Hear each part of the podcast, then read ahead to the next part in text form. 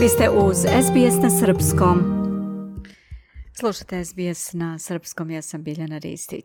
Ministar odbrane Hrvatske Ivan Anušić otkazao je prošle sedmice sastanak sa crnogorskim kolegom Draganom Krapovićem zbog njegovih izjava o spomen ploči u nekadašnjem logoru Morinju i o brodu Jadran.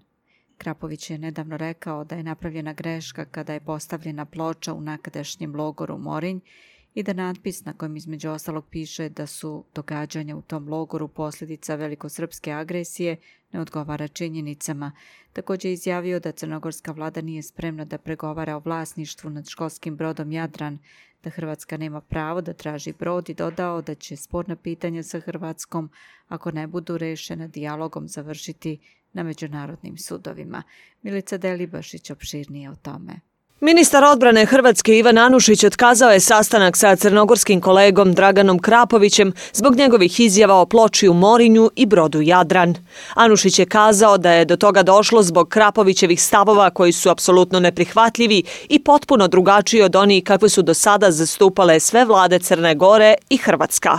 To je da se poništavaju činjenice iz logora Morin iz 90. godina i da se e, brod Jadran kao brod koji je naš brod, hrvatski brod, upisan u matičnu luku Split koji je tada bio 90. godine remontu pa je slijedom toga i ostao u Crnoj Gori, ne želi vratiti nazad Hrvatskoj i da se smatra da taj brod uopće nije Hrvatske nego i Crnoj To su dvije teme bile koje smo htjeli iskomunicirati, obje dvije teme su na neki način već izrečene dva dana prije mog u crnogorskim medijima od strane istog ministra i nije bilo smisla da dolazi. Krapović je prethodno rekao da shodno potpisanim sporazumima nakon disolucije Jugoslavije Hrvatska nema pravo da traži školski brod Jadran i da jesu spremni da pregovaraju o vlasništvu.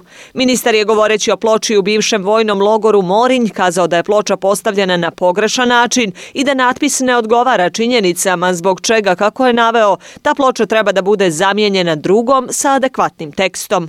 Odgovarajući na pitanja medija o otkazanom sastanku sa hrvatskim kolegom, Krapović već ponavlja da je stav Crne Gore da je brod Jadran potpuno legalno i legitimno vlasništvo Crne Gore i on se ističe neće promijeniti. Želim istaći da je između dijaloga i pregovora velika razlika, a ja nijesam neko kome ta razlika može promaći. Naprotiv, kao ministar odbrane prihvatio sam razgovor na te teme, ali ne i pregovore, jer prihvatanje pregovora znači prihvatanje mogućnosti da Jadran ne bude crnogorski, a ja to otvoreno kažem neću prihvatiti. To je stvar principa i na nacionalnog ponosa, poručuje Krapović.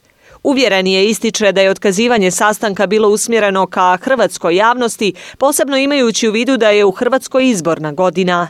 Međutim, želim jasno istaći da politički i unutrašnji manevri koji se odvijaju na račun Crne Gore i njenog ministarstva odbrane, posebno kada je riječ o Jadranu, neće biti politički tolerisani, zaključuje crnogorski ministar. Anušić ne isključuje mogućnost organizovanja novog sastanka sa crnogorskim kolegom, ali crnogorskoj vladi poručuje da je jedini pravi put put europskih integracija Crne Gore. na tom putu Hrvatska je dosta bila velike pomoći Crnoj Gori i biti će i u budućnosti, ali to naravno više sada ne Crna Gora i Hrvatska će otvorena pitanja rješavati razgovorom, a ako u dogledno vrijeme ne bude postignut dogovor, postoje međunarodni instrumenti za njihovo rješavanje, kazao je ministar vanjskih poslova Crne Gore Filip Ivanović. Hrvatska podržava e, evropske integracione napore Crne Gore i činjenica je da postoje određene e, teme koje nisu riješene između naše dvije države. E, moji kolege i ja smo se saglasili da ta pitanja, odnosno te teme, rješavamo kroz dogovor i razgovor, bilateralno.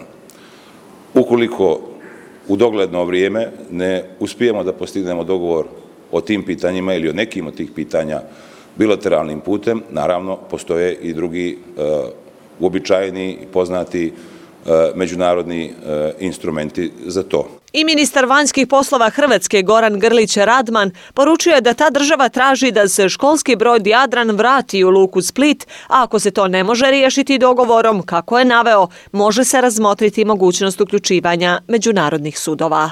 Iz Podgorice za SBS na Srpskom, Milice Delibašić. Želite da čujete još priča poput ove? Slušajte nas na Apple Podcast, Google Podcast, Spotify ili odakle god slušate podcast.